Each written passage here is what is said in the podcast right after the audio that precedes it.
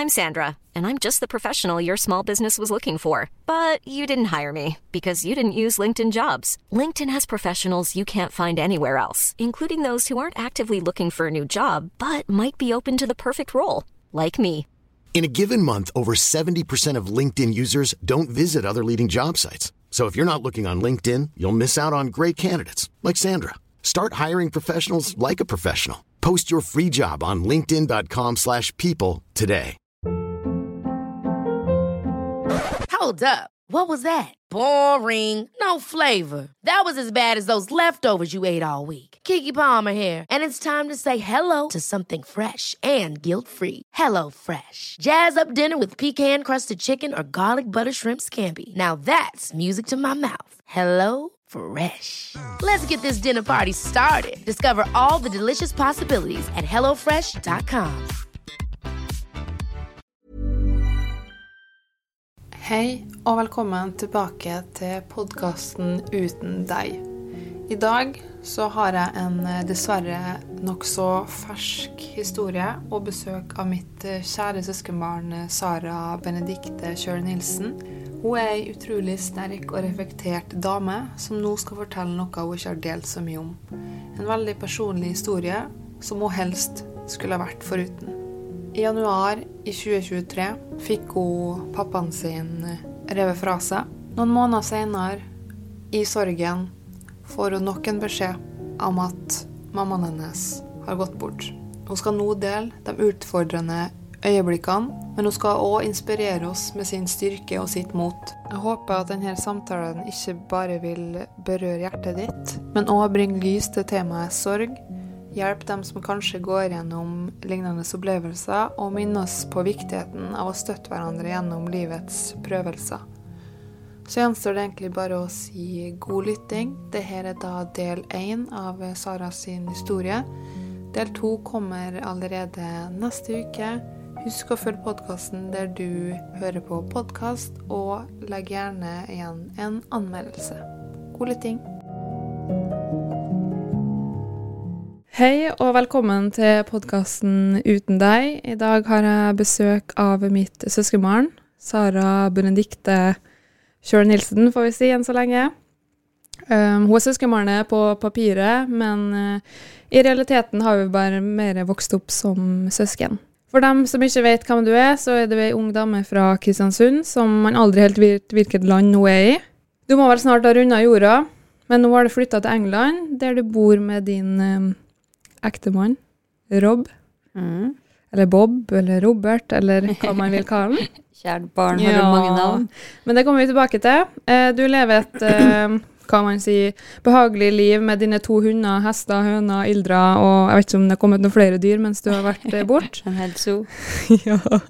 Du har også nå vært hjemme i Kristiansund, der du eh, har et eh, feriehus som du driver og pusser opp. Og i dette øyeblikket har du over 600 000 følgere på Instagram. Der følgerne dine får være med på mest det luksuriøse livet ditt rundt omkring i verden, på Fashion Week, helikopterturer, ferier og sinnssyke utsikter. Om du skal oppsummere deg sjøl, hva ville du sagt da? Hva sa du? Om du skulle ha oppsummert uh, deg selv? Ja. Som person, Uh, ja. ei livlig, skarp jente som liker å by på seg sjøl, og som alltid liker utfordringer, og um, er ikke redd for å, ja, by på seg sjøl. Mm. Jeg er helt enig. Men den podkasten her heter jo Uten deg. Og når jeg laga den podkasten her, eller når jeg tenkte på den, så var ikke du et alternativ til denne podkasten. Men i år så har du opplevd ditt verste år, vil jeg si. Du har fått to tragiske telefoner, om ikke egentlig eh, tre. I januar mista du pappaen din, og i eh, juni så mista du mammaen din. Man kan jo spørre seg sjøl om det virkelig går an, og at det er noe du må til å oppleve. Men det har du da gjort. Um, først og fremst, hva tenker du om å komme her og snakke om det i dag? For å være helt ærlig, så tenkte jeg at eh, en dag så må man jo kunne prate om det. Uh, jeg har jo egentlig ikke åpna opp så veldig mye om det, for at én, ja, pappa gikk bort i januar, så kom det som et sjokk igjen i juni med mamma. Og jeg tror at man egentlig må se på det som en positiv ting, at man bør åpne opp og prate om det. Men jeg tror at mine nærmeste også har egentlig bare latt det ligge litt, fordi at det er såpass vanskelig. De vet jo hvor nær jeg var foreldrene mine, og hvor mye jeg sto på for å egentlig beholde dem i live. Så uh, det var litt sånn mikse følelser, egentlig, for, uh, før jeg kom hit. Uh, spesielt når jeg gikk inn trappa hit, så tenkte jeg at hva har jeg bydd meg sjøl ut på nå? Men jeg tenker at hvis det kan hjelpe andre, så er det jo ingenting som er bedre enn det. Og det er jo ganske tøft av deg. Det er jo, vi er fremdeles i det samme året, og at du kommer hit, det setter jeg veldig pris på. Og det er noe med det at sånn som når jeg hadde mamma og Zakarias her òg, at når vi sitter her, så er det kun det vi skal snakke om. Vi kan ikke begynne å snakke om alt mulig annet, og det er det som er litt eh, ekstra spesielt, kanskje. Ikke sant? Og så vil jeg også bare nevne at jeg sa jo at du bor i England, mm. så hvis eh, noen av setningene kommer ut på engelsk, så er det fordi at hun for som regel tenker å snakke på engelsk. Sorry for den. ja. Så får vi litt engelsktrening her i samme slengen. Men jeg tenker at vi prøver å starte litt eh, for å få litt system i det. Em, har du lyst til å fortelle først hva pappaen din har betydd for deg? Pappaen min, jeg tror alle som kjenner meg, vet hvor mye pappaen min Hva mye han har gjort for meg, og hva nære vi sto. Det som jeg sa i talen på begravelsen, at han var min største støttespiller og beste venn. Um, så det, det at han gikk bort, eh, tror jeg det, For det første så kom det som et sjokk, for han har vært syk, men eh, vi trodde aldri at det kom til å skje. Og ja, det var som et veldig stort En stor del av meg som ble tatt bort. Og det Ja, jeg unner ingen. Nei, fordi det Man kan si mye om at man er tett med pappaen sin, men dere, dere var ektepar, søsken, mor og, eller far og datter. Dere var virkelig alt det der, da. Som egentlig som én person. Har du lyst til å prøve å ta meg gjennom når han eh, døde? Du fikk Mm. en telefon. Hva gjorde du da? Hva Så det som er, er at um, Som jeg sa, at, at pappa gikk bort kom som et sjokk. Uh, rett og slett for at han hadde jo hatt et hjerteinfarkt. Han hadde et hjerteinfarkt uh, for et par år siden. Og kom seg unna det. Jeg ble sendt på sykehus, og ting så ut som at det gikk bedre og bedre. Og det var det som var at uh, ting var jo bedre. Han var faktisk sunnere enn på lenge. Han trente, han hadde gått ned i vekt, så at uh, han gikk bort var som et sjokk. Men jeg husker bare det at uh, jeg hadde forlova meg. Meg på nyttårsaften, uh, og jeg prøvde å ringe den, fikk ikke tak i den, fikk tak i den etter et, et par-tre dager, prata litt med den. Og så hadde jeg vært veldig urolig, for at han hadde vært veldig dårlig. Han sa at han var kasta opp og sånne ting, og var veldig syk, og hadde egentlig planer om å dra på sykehus. Men han kom seg liksom ikke, så jeg ba han jo være så snill dra på sykehuset. Og så hadde jeg prøvd å få tak i han, og det her er jo faktisk noe som jeg har gått til sak mot eh, med hjemmehjelpa. Hjemmehjelpa skulle ha kommet dit hver tirsdag. Og jeg prøver å ringe eh, hjemmehjelpa for å høre om de hadde vært der. Ah, det her var på en fredag. Og så sa de at de skulle ringe meg tilbake, og det gjorde de ikke. Og på søndagen så ringte de meg tilbake, så sa de at eh, har dere hørt fra han, har dere vært der, var dere der på tirsdag? Og da sa de at nei, døra var låst, det var ingen som åpna døra. Og det er jo helt sinnssykt. Eh, hjemmehjelpa skulle jo faktisk ha brytt seg inn, eller i hvert fall ringt politiet, eller gjort noe med det. Han var jo såpass syk at han trengte Eller han trengte hjelp med medisiner, da, sånn at det var riktige medisiner han fikk. Og dem, det var jo deres oppgave å sørge for at han skulle få de riktige medisinene. Og da kjente jeg at jeg, ja, jeg var veldig, veldig veldig urolig for hva som Men jeg hadde aldri sett for meg at det var det som venta oss, da.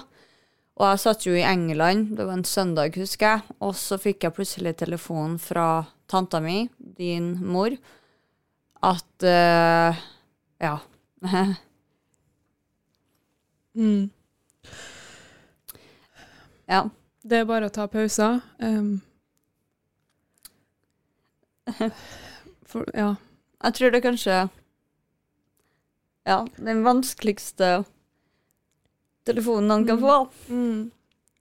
Jeg husker òg hvor jeg var når jeg fikk den telefonen. Sant? Mm. For du har jo vært gjennom Ja, Ja. sammen med din pappa. Min onkel. Når jeg visste hvor tett dere var, når jeg fikk Mm. den telefonen når jeg kjørte gjennom tolla på vei til Norge. Det er helt Det er en, en telefon som ingen egentlig forventer, og man kan aldri være forberedt nok på en sånn telefon. Men hos Tante sa jo det at eh, Hun spurte meg bare om jeg hadde noen der, om jeg hadde kjæresten min der. Og når hun sa det, så skjønte jeg med en gang. Mm. Jeg klarte ikke liksom å holde telefonen. Sånn, jeg, jeg hadde jo helt panikk, så sa jeg det er pappa, sant? Så sier hun at det, ja, de, de har funnet en død. Og det eh, den, den smerten som jeg som datter går gjennom gjennom noe sånt Ja, det kan nesten ikke beskrives, men du har jo vært gjennom det. det Ikke på det sjokket der, da. det sinnssykt sjokk, og du er For min del så føltes det så Jeg var så maktesløs. Jeg var i et helt annet land, som både var en god og en dårlig ting, på en måte. Fordi at eh, jeg trengte å ha det litt på avstand en stund.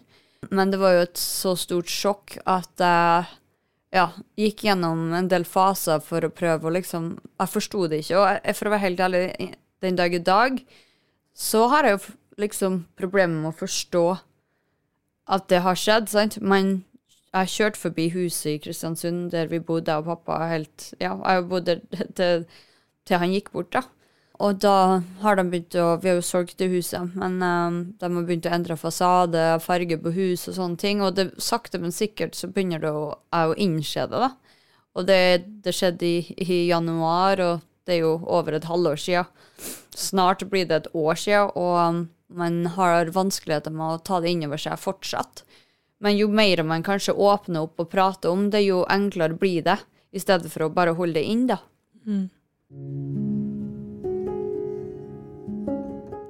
Hvor var du hen? Husker du hvor det var når du fikk telefonen? Ja, jeg var hjemme, jeg og min kjære satt og så på um, en film, faktisk. Og jeg hadde en sånn klump i magen hele helga, for jeg, jeg følte at det var noen som var feil. Det var ingen som hadde hørt fra pappa, og så sa tante da at ja, men nå ser at han er pålaga på Facebook. Faktisk. Men som jeg sa, da, at jeg tror ikke på det, for jeg vet at noen har vært der og sett den og prata med den.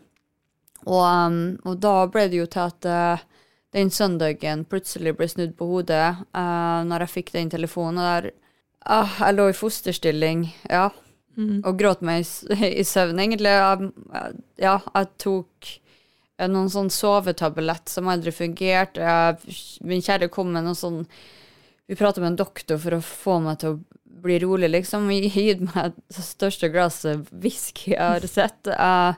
Alt for å prøve å roe meg ned.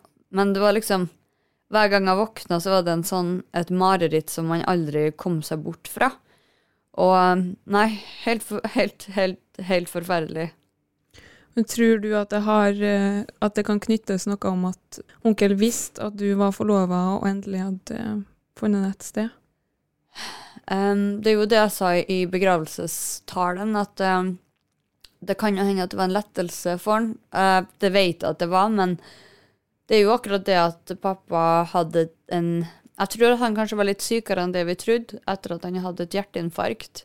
Men det som er problemet med veldig mange som kanskje har et hjerteinfarkt, er at uh, de ikke tenker over at da må de i hvert fall snu om livsstilen sin. Være sunnere, spise sunnere, være aktiv.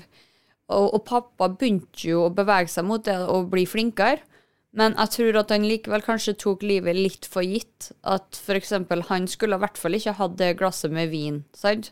Han skulle ikke ha Selv om, selv om han var veldig glad i småkaker, og det var livet, så er det sånn hvis du vil ha livet i behold, så må du Det er som jeg sa, at eh, han elska de småkakene som han eh, lurte unna på en sant, etter middagen hver dag. Og spesielt når jeg var på besøk, så lurte han jo unna all sjokolade og, og sånne ting. Men det, den han lurte mest, var jo seg sjøl. Det var det som var så trist. Og hadde han jo Jeg tror at hadde han bare visst alvoret i Eller hva Hvis han bare hadde vært tatt det alvorlig, eh, så tror jeg kanskje at han fortsatt har vært i live. Men jeg tror kanskje han ikke hadde nok kunnskap om ja, hvor dårlig eh, f.eks. en dårlig diett, hva det gjør med kroppen, og at han ikke beveget seg. For at, han han prøvde, men jeg tror ikke at han tok det alvorlig nok, da, rett og slett. Hvordan var det når du da du, Når du reiste hjem til Kristiansund, så var det jo hovedsakelig for å være med onkel. Ja. Hvordan var det nå når du Hvordan var flyturen hjem? Hva følelsen av å ikke skulle komme til et hus der pappaen din satt og flira eller kjefta eller hva? ja, Om bantes, eller ja. Nei, for vi var jo, som jeg sa, det, vi var jo um, Han var min største støttespiller og bestevenn. Uh, og av og til så følte jeg at jeg var mer hans mor enn det han var uh, far til meg. Men første flytur hjem til Kristiansund var helt forferdelig. Jeg har aldri vært så nervøs, tror jeg, hele mitt liv, for at Ja, vært så lei meg. Eh, min eldste bror var på et møte i, i Oslo, sånn at han møtte meg i Oslo. Så flydde vi til Kristiansund, og der jeg møtte min andre bror. Og det var egentlig godt å se dem, men eh, det var jo ekstremt hardt å dra til huset, for det var jeg som bodde bodd der til, ja, til den dagen, da. Og hadde alle tingene mine der. Ja, det var Det har vært mitt Jeg har aldri hatt et annet hjem enn eh, hos min pappa. Og til og med når min mor og min far eh, gikk fra hverandre, så har det jo Mitt hjem har alltid vært hos pappa. Så å plutselig få han revet bort, var ekstremt hardt. Og kanskje, når du innser det, når du drar dit, og du ser at det er ingen der lenger, og at eh, senga hans var tatt bort, for det var jo der han ble funnet død, at eh, du, du klarer liksom ikke å innse det. Og det første jeg gjorde når jeg gikk inn i huset, var å springe inn på, på soverommet der han ble funnet, og der senga var tatt bort. Og jeg bare satt på knærne og gråt og gråt og gråt. For jeg, ja, det var helt forferdelig. Hvordan var det å uh, rydde ut av huset? Å rydde ut av huset var vanskelig, men det gjorde det litt enklere når jeg gjorde det med brødrene mine, for at eh, vi Pappa var jo en veldig artig, skikkelig morsom type, selv. Hadde alltid en kommentar på lur. Mm.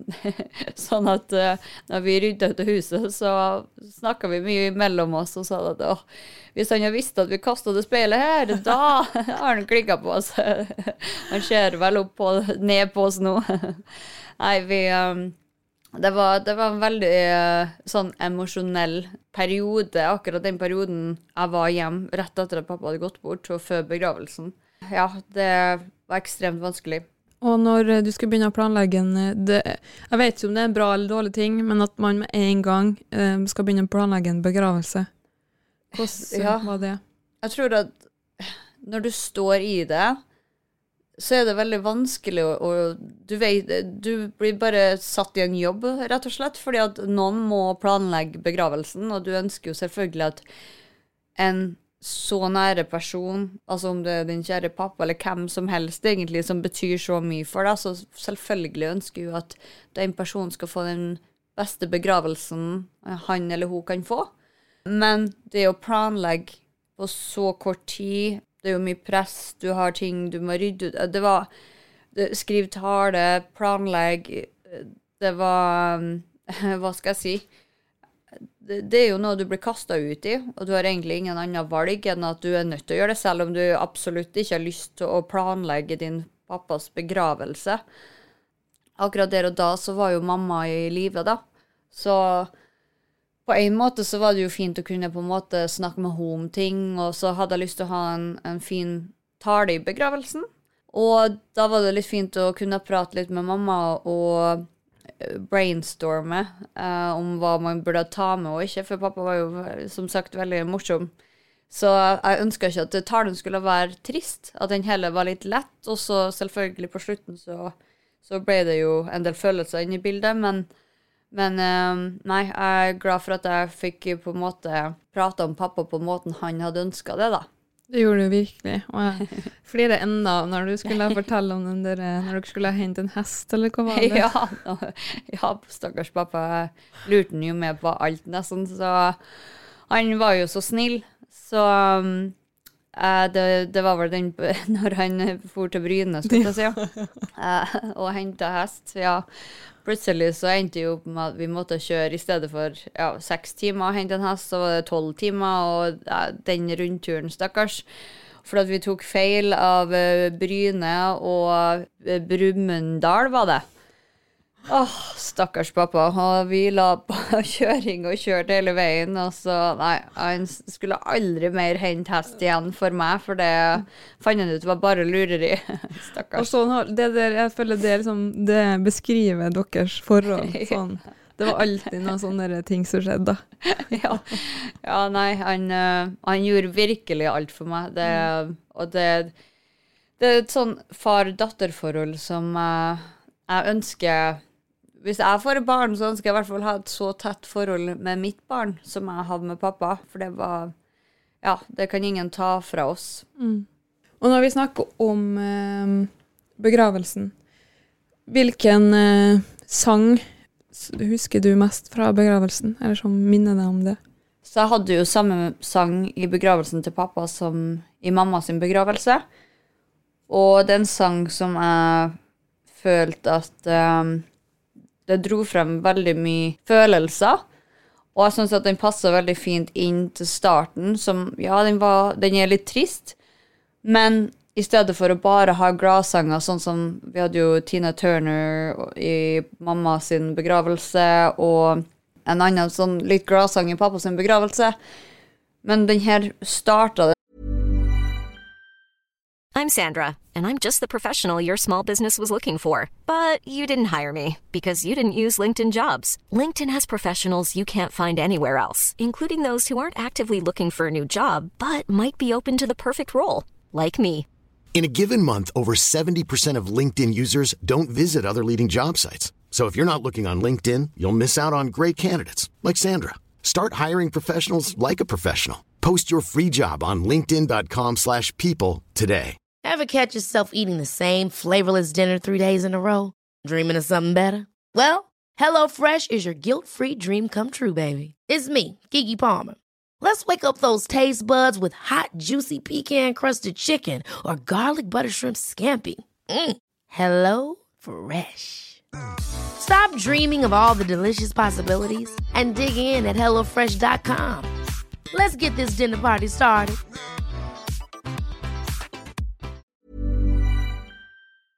Sånn at hele begravelsen til både mamma og pappa starter litt trist, og at man faktisk får utspill til å, å, å gråte, vise følelser, og så at man på en måte avslutter begravelsen på en fin måte, der man husker det positive, ting de sa, hvordan de var, i stedet for at man er lei seg. Eh, og jeg husker sangen er fra han Jonas eh, Kvarnstrøm.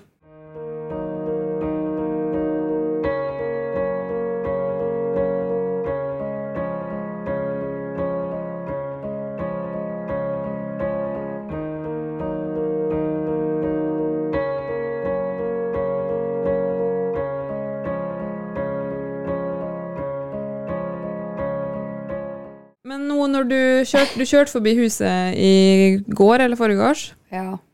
hva følte du? Jeg vil ikke si at det blir enklere hver gang jeg gjør det, men første gangen jeg så at eh, de nye eierne av huset til pappa hadde starta å endre fasade og farge på huset, så slo det meg at eh, herregud, jeg kommer aldri til å bo der igjen. Jeg kommer aldri til å gå inn i huset til pappa. Det her er er ikke hjemmet mitt lenger. Så det, det har vært vanskelig, egentlig. Eh, du, du er jo på en måte heldig at du har huset er jo fortsatt sendt ditt barndomshjem er fortsatt ditt barndomshjem, og du kan alltid dra dit når du vil.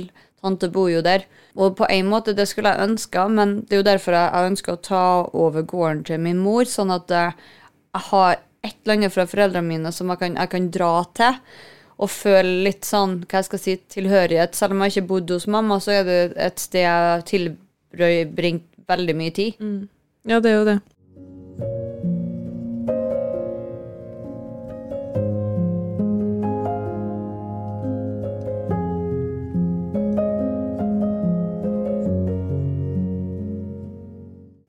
Hva syns du tida Eller altså, du kan fortelle litt om hva du husker fra tida fra januar da um, og frem mot juni.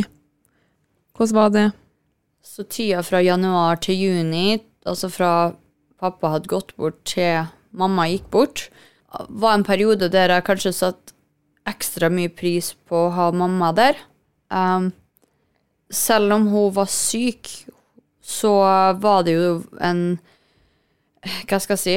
Uh, hun var jo inn og ut av sykehuset en del. Jeg prøvde å gjøre alt jeg kunne for at hun skulle være og holde seg i live. Ønska å ta henne med til England, men og det var noe hun egentlig ønska, men hun var for syk til å reise noe sted. Så det satte meg jo en veldig sånn frustra konstant frustrasjon, der du vet at det er ingenting du gjør som kan hjelpe, annet enn at jeg laga juice, tok med ting, ga henne mat, tok henne med på restaurant um, når hun ikke var på sykehus. Men Så det var en sånn Hva skal jeg si? Jeg hadde håpa på at mamma Jeg hadde sett for meg at mamma kom til å være i live mye lenger. Jeg hadde aldri sett for meg at hun hadde kommet til å gå bort innen seks måneder, liksom, etter at pappa gikk bort. Og det er jo selvfølgelig sorg. Veldig tung periode etter at pappa hadde gått bort. Men det var på en måte det å, å se mamma og være med henne. Som sagt, jeg bor jo i England, men eh, jeg var jo hjemme. Og jeg har alltid vært flink på å komme hjem hver måned. Og jeg tilbrakte veldig mye tid med mamma. Uh, men uh, og snakka veldig mye med henne. Men jeg må jo være helt ærlig og si at det var jo nesten hver gang jeg så henne, at jeg, når jeg hadde kjørt innom henne, om det var på sykehuset eller om hun hadde vært hjemme, at når jeg gikk og satte meg i bilen, så begynte jeg jo å gråte. Fordi det slo meg at herregud, jeg håper, jeg håper at det ikke skjer det samme med mamma, for jeg, jeg trenger henne. Mm. Ja. Hva ditt forhold til mammaen din, Bente? Vil du fortelle litt om det? Jeg har jo alltid vært uh, ja, ei hestejente sammen med mamma. uh, så vi har jo hatt samme hobby opp gjennom tidene. Vi har alltid ja, tilbringt veldig mye tid sammen i stall, om det var Jeg hadde jo drevet på med kaninhopping og ja, holdt på med oppdrett av marsvin og alt mulig dyr, som hun elska òg. Og vi hun tok jo over en gård sammen med pappa. Så vi har jo fått et tett forhold oppover tiden, og kanskje mer i seinere tid enn tidligere, fordi jeg følte kanskje mamma var ganske streng med meg en periode, der jeg jobba veldig mye for henne. Men etter at jeg begynte å akseptere henne, eh, så tenkte jeg herregud, um, hun er mammaen min, og jeg må bare gjøre alt jeg kan for å ta vare på henne, for hadde det ikke vært for henne, så hadde ikke jeg vært her.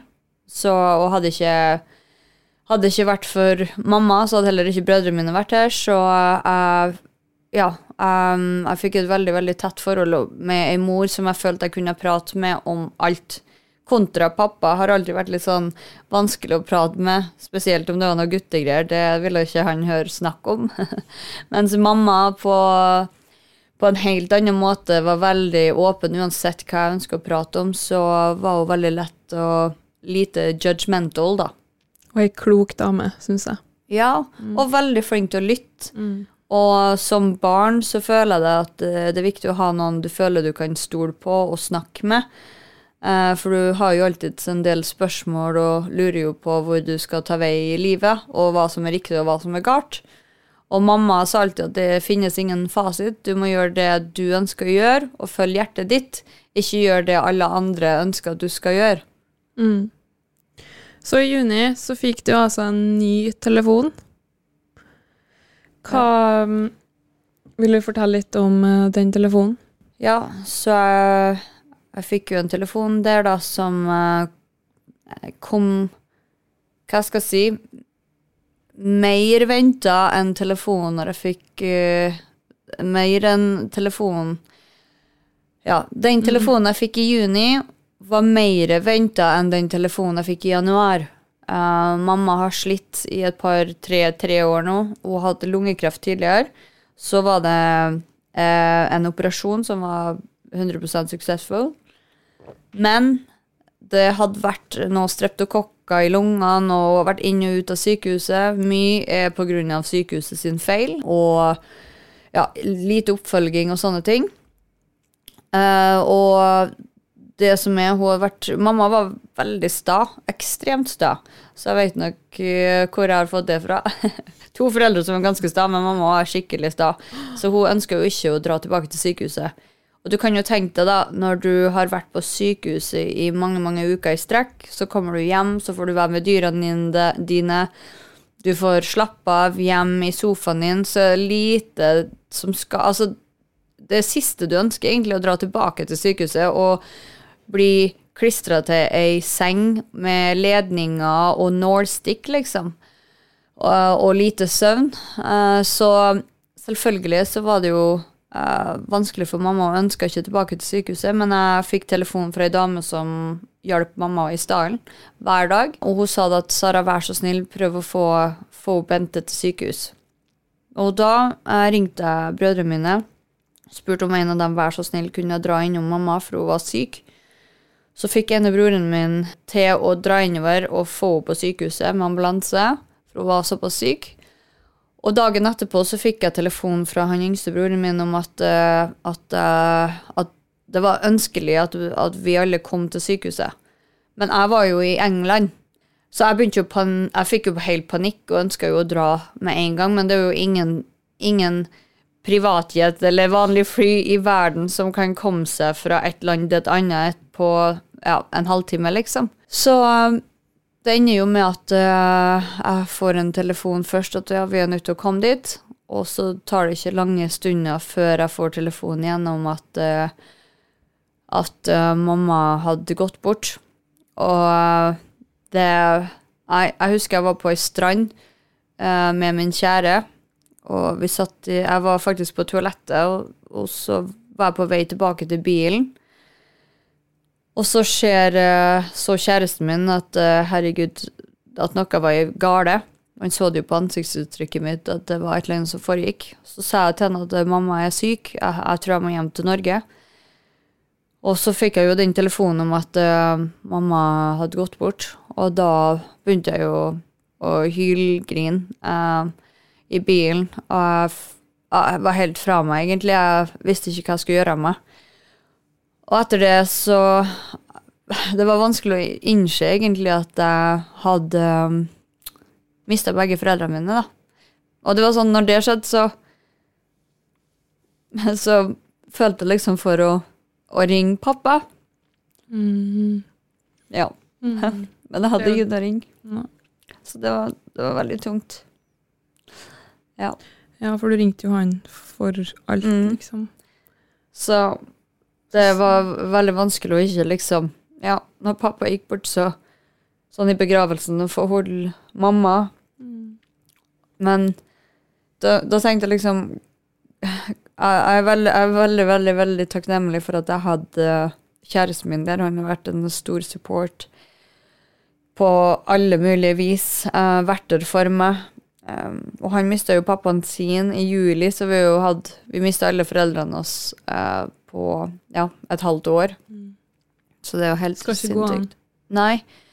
Um, man begynner jo å lure liksom på hva man har gjort galt i livet for at man skal fortjene noe sånt. Mm.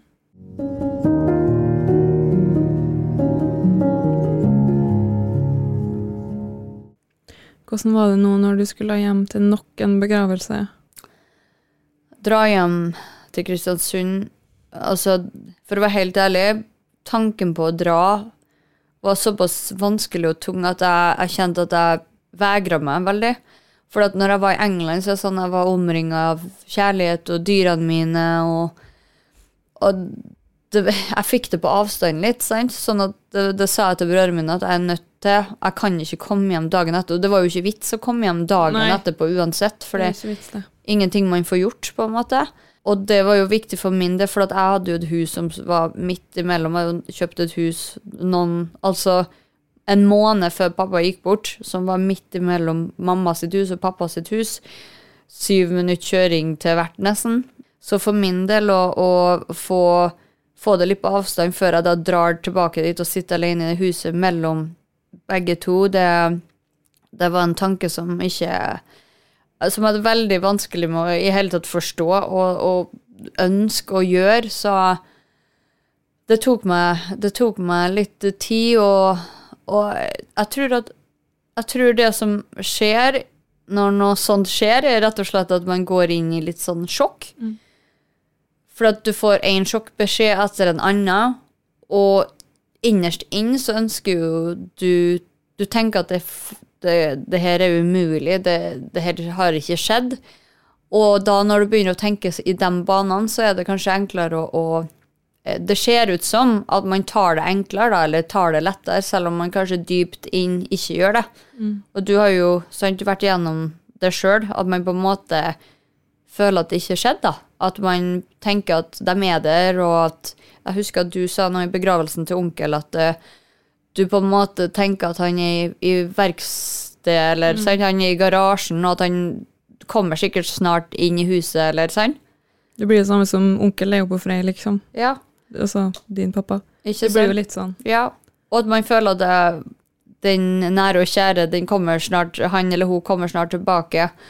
Og det er jo en sånn man sitter og venter på, og jeg kjenner jo det at det er jo det, er jo det som har på en måte skjedd i etterkant. Men jeg, har jo, jeg vegrer meg jo veldig for å dra på gravsted, selv om det er noen måneder siden nå, men, men jeg føler at det er fortsatt såpass nært at det er to sånne har gjort at det er vanskelig for meg, da. Men jeg, jeg kjenner at det er godt å komme hjem til Kristiansund for å være med, med familie og, og venner. Men det er òg vanskelig hver gang jeg kjører forbi, eller ja, sånn som jeg var i stallen hos uh, der mamma bodde, og, og med dyrene hennes og sånn, at det, det, er jo vanskelig når man er der. Jeg, jeg tenker jo liksom, jeg snakker jo egentlig litt høyt til meg sjøl, til mamma, at du, mamma, jeg håper du har det bra der du er, sant? Det, ja, nei, det er vanskelig. Så når du kommer hjem eh, til Kristiansund nå, er det sånn at du drar på, drar du på grava? For å være helt ærlig med deg, jeg tror ikke Jeg tror ikke jeg har sagt det her til noen, egentlig. Så har ikke jeg vært på grava en eneste gang siden mamma og pappa har gått bort. Jeg så jo grava til pappa når vi var i begravelsen til mamma. Så gikk vi jo bort til grava til pappa, og det var ekstremt vanskelig for meg. For da ser jeg liksom pappaen min ligger, og det ligger mammaen min. Ja, det er jo sånn når jeg besøker pappa eh, på begrava, så er det jo ganske sykt at jeg tar tre steg, så ligger onkel der, og går Ja. jeg 20 steg til, så Nei, det er mm, Helt utrolig. Det skal ikke være mulig. Sånn som mamma er jo gartner, blitt gartner bortpå der omtrent. Ja, og passer på graven. Men Mm. det, det som jeg tenker, det er at eh, neste gang jeg drar dit nå, så jeg har jo kjøpt, jeg har jo kjøpt ting til å ha på grava til begge to. Uh, og vi har jo styra med ny gravstein og sånne ting. Men det er liksom, jeg kjøpte inn til å ha det på grava, men å dra dit kjenner jeg at eh, det, det sitter langt inn, altså. Men du må jo ikke. Nei. Det er jo ikke det at det sier hvor, mye, hvor glad du er i dem. Nei. For du må i hvert fall ikke føle at du må dra på grava fordi det er noe man må gjøre. Hvis det ikke er rett for deg, så er jo mammaen og pappaen din inni hjertet ditt. Og uansett hvor du er, så kan du jo tenke på dem. Du må ikke gå til grava og snakke til dem. Ikke sant? Jeg, jeg føler det at jeg har i hvert fall gjort det jeg kunne når de var i live, så om jeg kanskje ikke velger å være på grava hver gang jeg er hjemme, uh, hver dag, så betyr det jo ikke at jeg er mindre glad i dem, eller har vært mindre glad i dem. Det er jo bare fordi at det er min måte å, å gå gjennom det her på, det å miste foreldrene sine. Uh, og jeg tenker at det blir enklere jo, jo mer man får det på avstand. Men uh, det er jo vanskelig å få det på avstand når det har vært så tett mellom hvert dødsfall. Og det er derfor jeg har tatt liksom Jeg har tatt det i mitt tempo, men det er jo folk som har spurt meg om Ja, har du vært bort på gravsted, har du sånn Jeg har kjørt forbi der, og hver gang jeg har kjørt forbi, så har jeg tenkt at jeg må bortom. Men så tenker jeg, men hvem er det jeg gjør det for? Gjør jeg det for at andre skal føle seg bedre, eller gjør jeg det for at jeg sjøl skal føle meg bedre? Og jeg tenker at hvis jeg ikke er klar for det nå, så, så må jeg ta det i mitt eget tempo. Det er jo ingen som kan bestemme at, uh, når det er riktig for meg å dra dit. Og jeg tror det er ingen som hadde på en måte et så tett forhold som jeg hadde med for foreldrene mine. Så jeg, jeg, vet at, jeg vet at de er, har alltid vært glad i meg, og de blir ikke mine Hva skal jeg si? De, de hadde ikke vært lei seg hadde ikke jeg kommet dit. Ja, jeg tenker at det er noe man må ta i sitt eget tempo. Det er ingenting som er rett eller galt i et sånt tilfelle. Og så er det jo sånn man går på grava for å minnes, men du kan jo minnes hvor som helst, på en måte. Du kan jo lage ditt eget ritual, eller du kan tenne lys hjem, eller du kan bare sette deg ned og tenke på en snakk til dem. Altså, Du må jo ikke gjøre det på, på grava, så det er helt rett at du, du tar det ditt tempo, og du trenger ikke bortpå der. Jeg tenker ikke at du er et dårlig menneske fordi du ikke har vært på, så mye på grava. Nei. Men jeg føler at det er veldig det at andre spør Og det har jeg egentlig aldri tenkt over, for jeg har aldri spurt noen har du vært på grava til sånn, mammaen eller pappaen din eller eh, broren din eller onkelen din som gikk bort. Sånn. Uh, men når folk spør meg, så får jeg nesten litt dårlig samvittighet at Nei, vet du hva, jeg har faktisk ikke vært bort på grava. Men det er veldig vanskelig for meg å, å begrunne hvorfor, annet enn at det er vanskelig for meg å dra dit. For at én ting å se dem ligge så nære hverandre, og at eh, jeg tror det at sakte, men sikkert du begynner å innse det, jo mer du drar dit, kanskje. Og jeg, jeg ønsker på en måte ikke å innse at de er borte, fordi at da tror jeg det er enda vanskeligere for meg. Uh, og at heller med tida Tida leger alle sår, som de sier. Og, eh, og det er en sånn prosess jeg stoler på, og, og tenker at jeg tar det i Jeg tar det på, på min måte, da. Ja, for det er Jeg syns det er sånn, for vi bor jo ganske Eller mamma bor jo ganske nært gravsted. gravsted. Um, og du har jo også sovet noen netter til mamma. Jeg bor jo nesten Ja, jeg bor jo mer til henne enn i huset mitt sjøl Ja. når jeg er i Kristiansund. Og da er det liksom um, Det er så sykt å tenke på at de ligger i bakken ja. bortpå der. ja. Det gir ingen mening. Nei, det er helt utrolig. Har du Eh, tenkt det? jeg, jeg tenker det at Men så er det jo det at det er jo egentlig bare kroppen som ligger der, det er jo ikke sjela deres. Det er jo sånn jeg tenker, og liker å tenke på det. For at om man drar bort dit, så tenker jeg at det er en fin ting. For at det er fint å, å minnes dem, spesielt når man får opp gravstein. Nå er det jo, Onkel har jo en kjempefin gravstøtte, eh, eller minnestein. Eh, og nå får jo mamma og pappa òg eh, lignende, for den var så fin. Men det er jo noe man velger. Tante jo, hun er jo gartner, som du sier, så hun drar jo bortom dit. Og jeg tenker at av og til så tenker jeg herregud, jeg lurer på hvordan det er for henne. Eh, å dra bort dit, det er jo eh, like ved henne, nesten. Men jeg tror kanskje det er en fin ting at, at onkel ligger så nære, da. Og jeg må jo være helt ærlig at det er jo Jeg tenker at med tida så tenker jeg at det blir, det blir fint å få en, en minnestein å dra til. Og akkurat nå så er det jo ikke noe minnestein der. Det er jo bare sånn kors, sånn som de har de seks første månedene etter en begravelse. Så jeg når jeg kan fikse det opp og, og sånne ting, at det kanskje blir enklere etter hvert, da. Men ja, jeg må Det er vanskelig. Det er vanskelig å se for seg at de, de ligger der. Ja, du ser det jo også, det er liksom da, Du får det så svart på hvitt, da, fordi navnet står på den, det korset. Ja.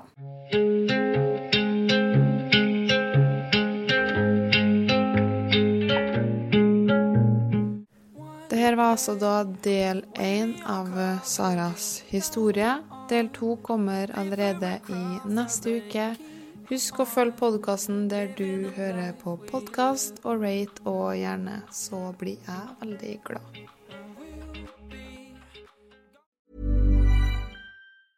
Ever catch yourself eating the same flavorless dinner three days in a row?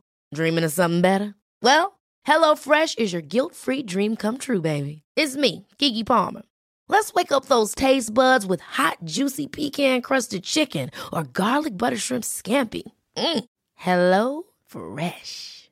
Stop dreaming of all the delicious possibilities and dig in at HelloFresh.com. Let's get this dinner party started.